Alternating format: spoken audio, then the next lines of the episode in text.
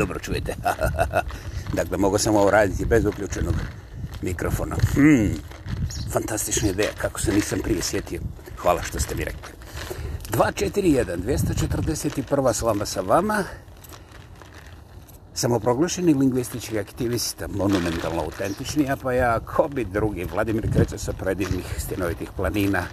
Drage moji, dobrodošli, moje poštovanje, moj naklon iskreni, najiskreni koji mogu ne samo da kažem, nego da osjetim. Danas ćemo malo čečkati po seksualnostima i ovisnostima. Naravno, ima jedan vrlo važan tehnički detalj. Naime, ako neko pokuša da vam postulira seksualnost u pola minute ili recimo pola sata, pa tako pola dana ili pola godine ili pola života, Dakle, htio sam reći da postoje ljudi koji su nevjerovatno sposobni da iskomuniciraju u pola minuta, što neki neće ni u pola života. Međutim, istovremeno, ja vrlo glasno kažem da što god mi rekli, bez obzira kako smo pametni, mudri i, bože moj, to se zna genijalni, da tek zagrebavamo površinu nečega što je duboko i široko izvan površina kapaciteta naše same mašte. Dobro ste čuli, ja ne želim nikoga da spuštam dolje, ne samo da mi se to više ne sviđa, probo prije pa mi se nije svidjelo ozbiljno, nego ovaj, ima jedan važni element. Zašto da ja trošim energiju na nešto uzaludno, jer kada spustim sve ispod sebe, nije stvar što ću gore na vrhu ostati sam, nego To je toliko morbidno da ja ne zaslužujem da dišem već sada, ako mi je to cilj. Naravno, ovo nije priča o pravici i krivici ili nekakvom kajenju. Te ove, ovaj, eskapade me ne zanimaju, prošao sam i to. Ali vrlo važan element u cijeloj priči je da pokušate ozbiljno razmišljati u interesu svoga kvalitete svoga pogleda na svijet. Naime, ne morate nikome priznavati da ne znate sve. Ali ako to niste vrlo jasno priznali sami sebi, onako u situaciji kada niste morali, nego jednostavno kada ste se našli dovoljno opušteni sami sa sobom, da dovoljno ozbiljno razmišljate o svemu što vas zanima, vas zanima, ne mene, onda ako niste došli do zaključka da jednostavno nikada nećete shvatiti sve, uh, dalje ne bih objašnjavao zbog čega je ovo važno. E, ovo je potpuno nevažno ako ste budala. Onda će se, ćete se klatiti između jednog rata, onog doslovnog i onih metaforičkih koji hoćete, kojih ima više nego što ima enciklopedija u svijetu, na planetu i tako dalje. Kad smo već tu, samo da vam kažem jedan zanimljiv detaljčić koji možete naći na ovome ubogome Google, našo i ja.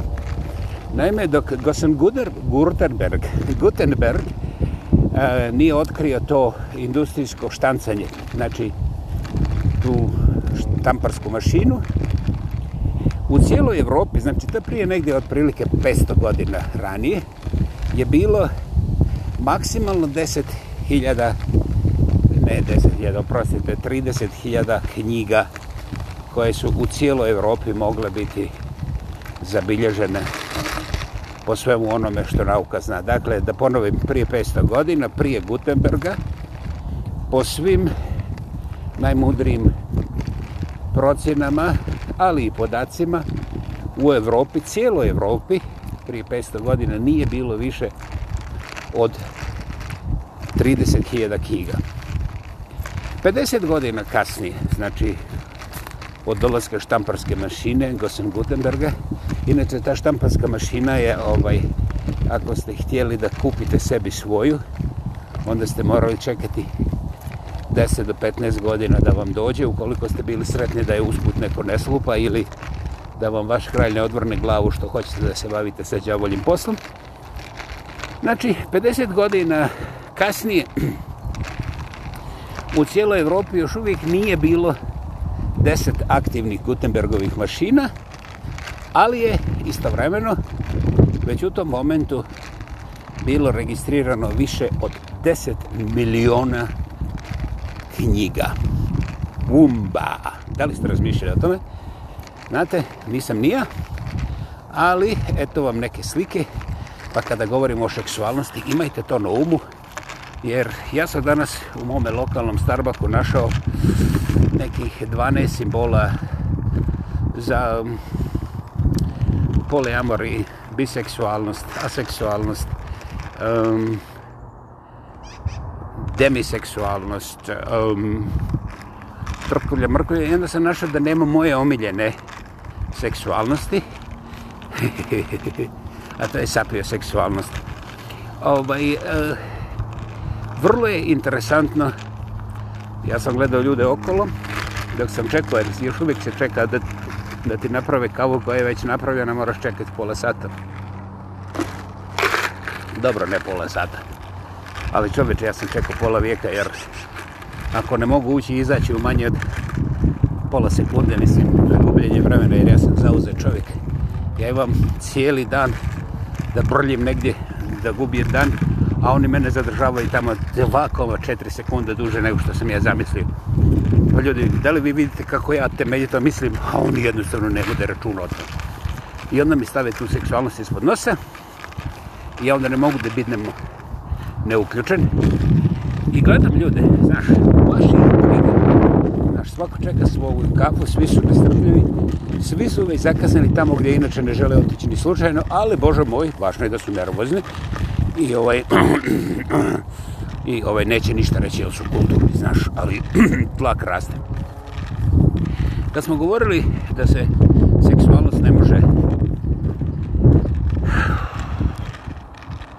postulirati u nekakvih po minuta, po sata, pola dana, pola vijeka, pola života.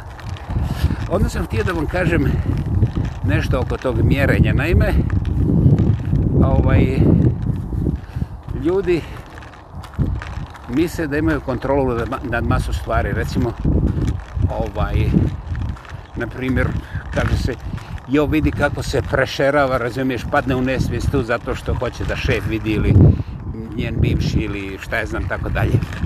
To se pripisuje, kako ste pogodili, 74 puta pogodili ste odmah. To se pripisuje nekim gospođama, međutim i gospodinovi i ne gospodinovi padaju nesvijest. Ovaj, strogo, znaš, radi drame, radi razno raznih stvari.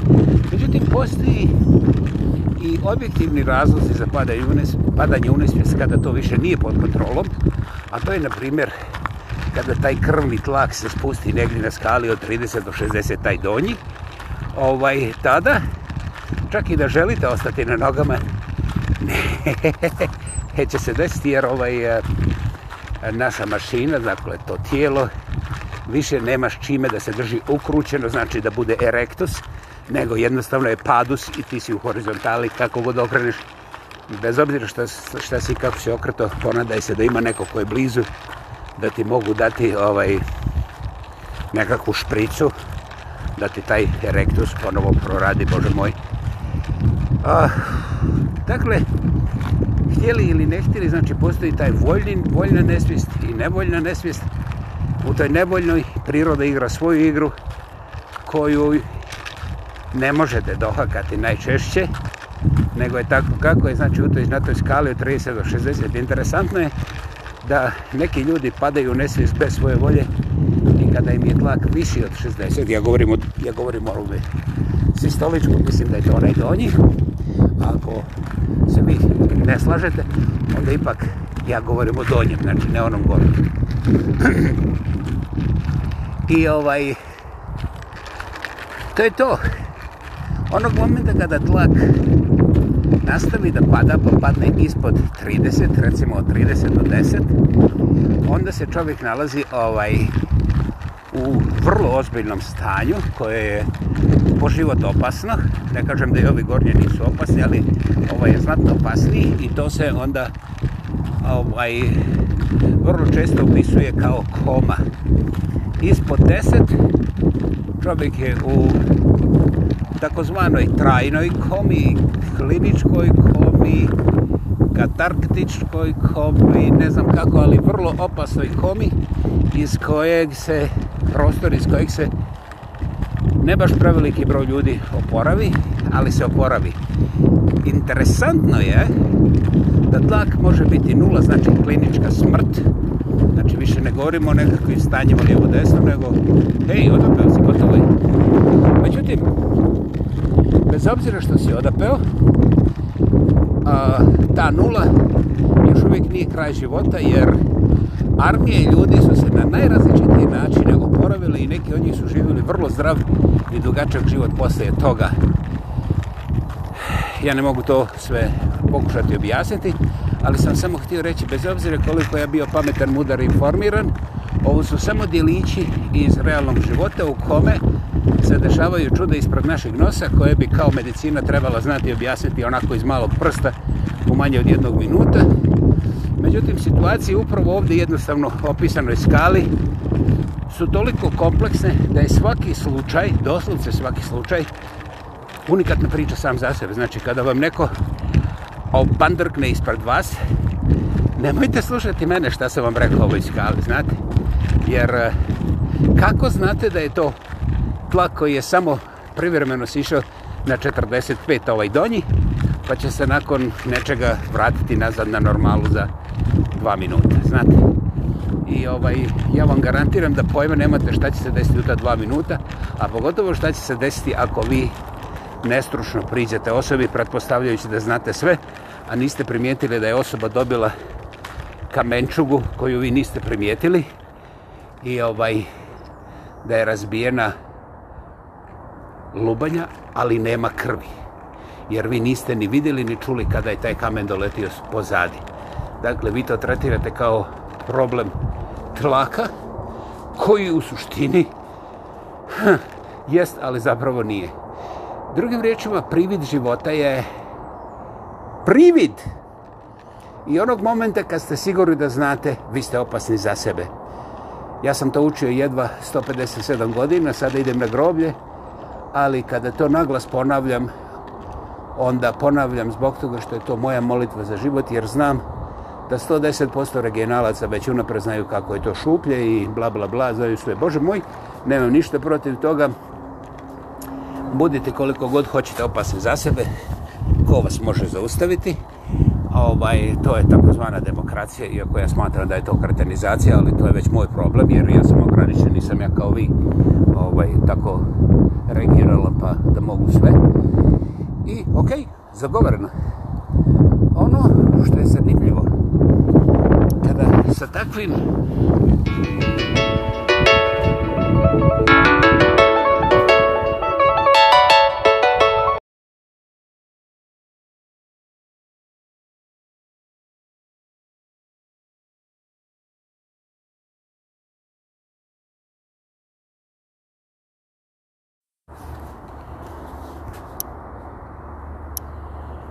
Dakle, opet su me prekinulo, prostite. Dakle, kada vi sa takvim stavovima koji ono znaju sve, mogu sve i tako dalje, uđete u prostor seksualnosti, onda ste, ovaj, a, pogledajte svoje iskustva, ja neću ulaziti u, u to, i ovaj uvijek ste gladni nečega, a pojma nemate čega ste gladni. Opet vam skrećem pozornost, ja nisam ekspert, nisam ovaj... A, specijalistički stručnjak za te oblasti krca mrca, trca prca i tako dalje.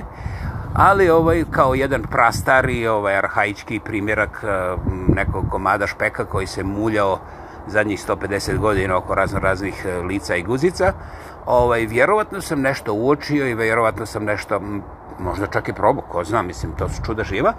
Ali nakon 150 godina ovaj, mrljanja okolo, ja mogu da kažem poneku stvar i naravno to nije zakon i to nije najveće znanje. Bogu, drago me, hvala. Međutim, pokušajte to da pobijete u svom životu pa ćete primijetiti nešto, ali ja vam ne mogu reći šta je rispašće onda da sam ja kao nedobog pametan. Dakle, svi smo gladni nečega u tom takozvanom intimnom, ne samo seksualnom svijetu u stvari e, kada dodirnemo tek onda primjećujemo koliko je prostor širok, a ne samo guza, jeli? I ovaj i neki drugi elementi i onda ovaj u toj zbunjenosti pravimo razno razne kompenzacije od kojih su najpogubnije ovisnosti. Dakle, ovisnosti da li mentalne, intelektualne, da da ima i tih a, onda ovaj e, ovisnosti o razno raznim substancama i onda ovisnosti o razno raznim tjelesnim i fizičkim ovaj stimulantima da se zaustavimo na tome i onda pomišljate da će vam to donijeti ovaj nekakvo olakšanje, usrećenje ili tako dalje. Međutim, kao što ste otkrili, neće. Ovaj, nabrijavate se, pripremate se danima, stoljećima, lijevo, desno i onda kad se desi, onda otkrijete da je to uglavnom prazan balon. Ja, ja, ja. A onda, ako to učinite sa, recimo, puno razno raznih ovih stimulativnih, ove, mislim i tako dalje, sredstava, kao što je, na primjer, ja ću se zadržati na ovim glupim seljačkim, kao što je, na primjer, alkohol, onda primijetite da vam je ujutro ono čudna ta faca pored vas i ovaj, jebote mi šta sam uradio, jesam li zatrudnio, o, ja sam muški, to je dobro, ali šta, u ova nova vremena mogu, mogu i muški zatrudniti, vidio sam Arnolda Schwarzeneggera, u jebote kiša, a ova baba je bila, tako opasne, nabrijane, mislim, imala je dva cell telefona, to znači da ona zna tehnologiju, možda sam ja zatrudio, ko bi znao. Znači, vi imate uglavnom taj užas, fras ili šok ujutro kad se probudite, a od toga što ste kao tako žudno očekivali šta ćete raditi sa tom osobom, kako ja to znam? Pojmo, nemojte šta se desilo prošle noći. Hvala vas glava. I užasavate se ko je ta osoba. Mislim, šta će se ta, sad desiti? Hoćete biti napadnuti ili, ovaj, mislim, hoćete morati ići sad da kuvate kavu ili da stavljate jaje na oko. Mislim, da. Dakle, problemi su višestruki i trenutačni i ne možete da pobjegnete od njih, a vi ste sve sami sebi skrojili. Dakle, draga moje gospodo, mi možemo ovdje primijetiti da imamo veliki sukob sa sobom i to je permanentno da i tu ove, neće biti pandemijskih ovih upozorenja, mada je to pandemija od postanka civilizacije. I bože moj, tu se može dosta toga korisno ne samo naučiti nego učiniti, ali morate da uključite svoje vlastite ove kapacitetove. Jel se to tako kaže? Ne kaže. Baš me briga. Onda znate, kako se promaši. Odgovornost je na kraju krajeva nemoja. U kako je lijepo rečeno, odgovornost je nemoja. Nije moja. Ali nemoja je puno bolje, razumiješ? Mislim, jer mi ovdje ipak govorimo o ovoj lingvističkoj aktivnosti ili lingvističkom aktivizmu. Idemo dalje. Kada sam ja, na primjer, bio do 25. godine predmet nekakvog zajebavanja kada su im rekli, znaš, peder, wow. To je bilo gore od noža i to tupog ravno u oko. Ja i danas osjećam tu bol, sram i izgubljenost. I ovaj, e, to sam spomenuo zbog toga, ne da bi vam ja plakao i cmizirio, mislim kako je to mene strefilo, a strefilo me uzdužno, poprično i na sve nemoguće načine, tako da ja ne mogu ni danas kompetentno da opišem sve, Ali u svakom slučaju to govorim vrlo javno zbog toga što je taj udarac eliminacija iz društva, znaš, kada te, kada te ovi čisto, čisto, hej, višak si, recimo, oni imaju dovoljno društva za nogomet, ti si višak i mrš peder odavde, recimo, jedno od poznatih političkih ovih uh, procedura kad hoćeš da igraš, a oni ne žele da igraju s tobom.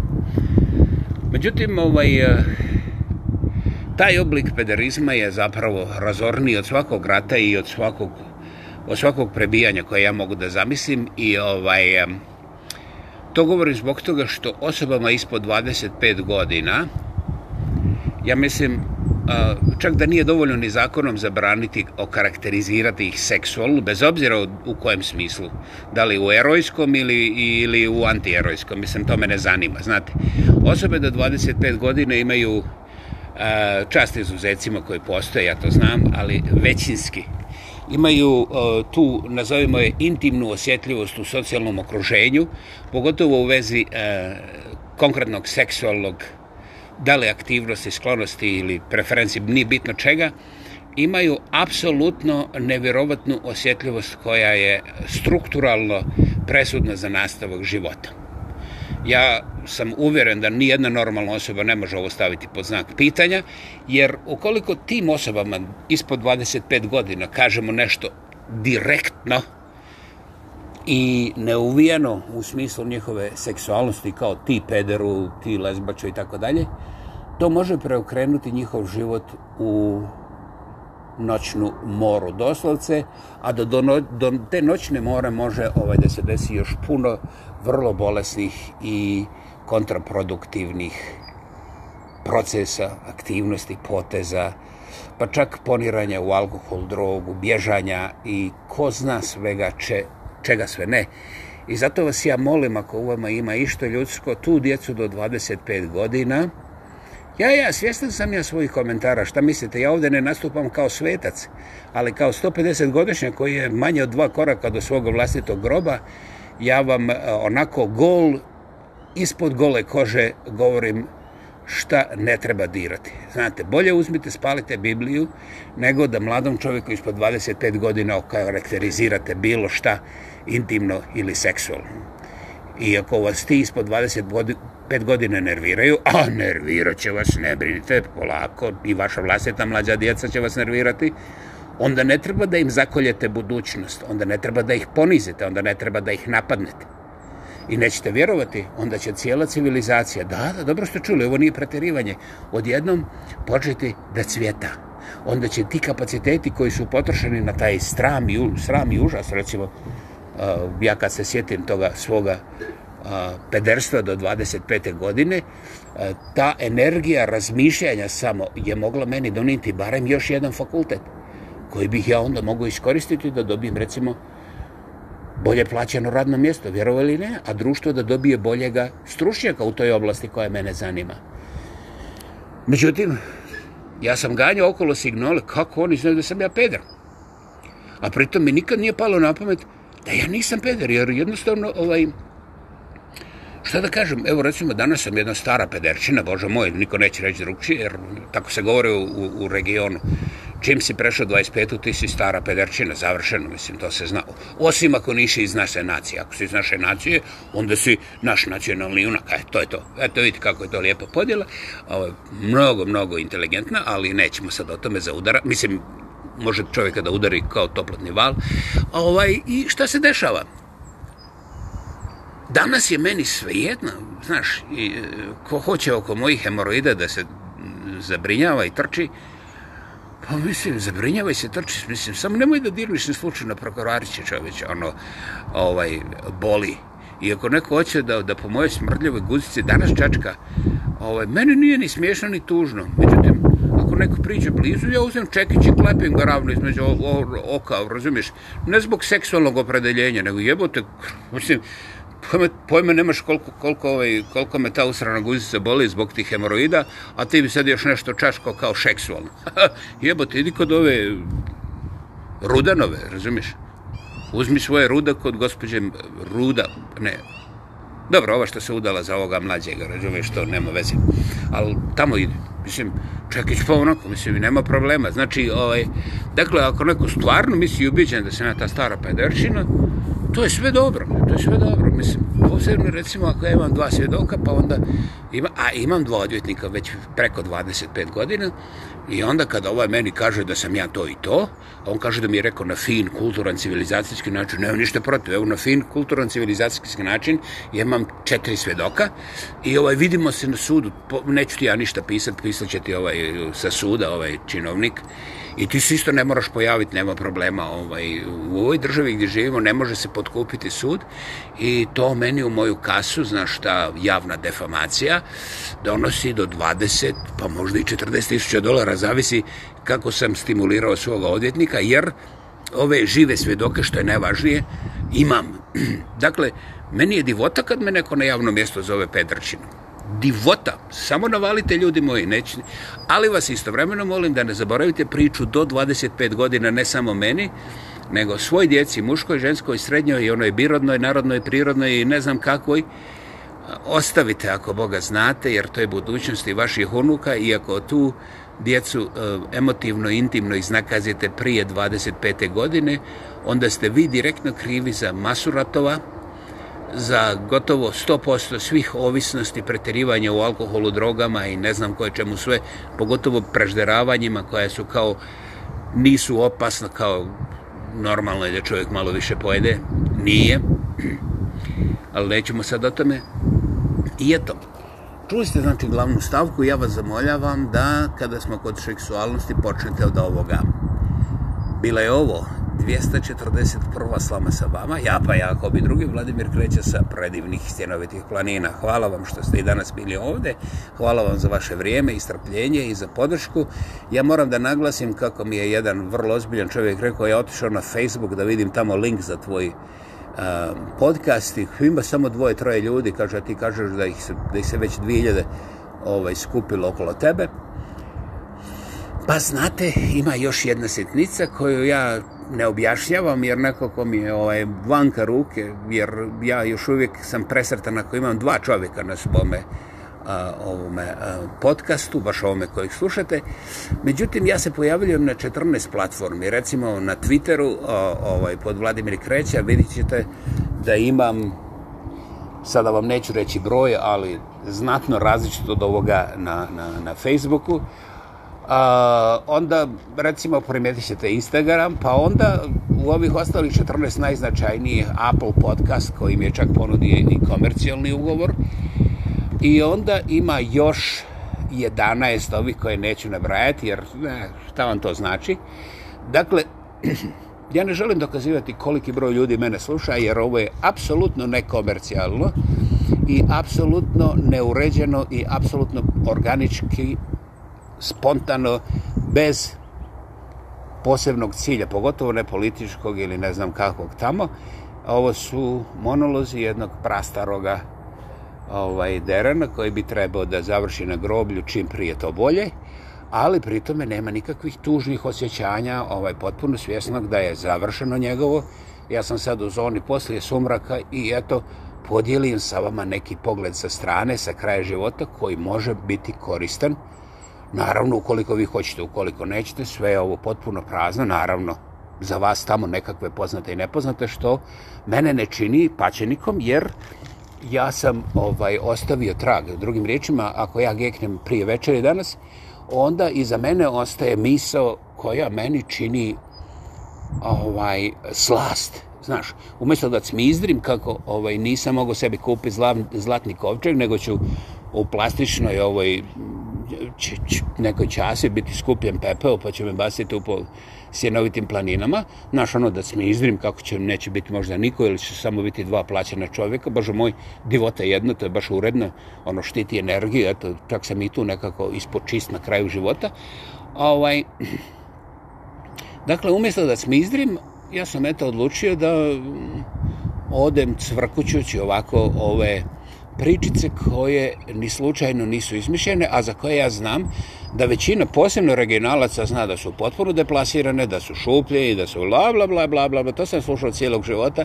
Ja ne želim da ponizim te sve, znako, sve znakoviće, jeste, dobro ste čuli, sve znakoviće, iz regiona koji će ratovati još generacijama, to one ostavljaju svoje djeci, ali sam uvjeren da postoji uvijek jedan, dva, možda čak i tri čoveka, dobro, da ne bude tri, jer to je njihov broj, četiri čoveka koji će razumjeti ovaj nekakvu um, suštinu unutar ovih običnih uh, monologa i ovaj iskoristiti to, doslovce iskoristiti da ne, ne okliznu se baš na, na svakoj banani, nego da se ponekad oskliznu i na koru od jabuke, pa će primijetiti da je to ovaj slabije ubrzanje i ovaj da je manja šansa da se prelomi kost, što ću ja onda kao potpuni mrtvac koji nigdje ne postoji, ali je u isto vremenu e, neodvojivi dio univerzuma u tome prahu, biti presretan što postoji neko ko je shvatio da ne moramo uvijek preko iste banane na isti način da se okliznemo.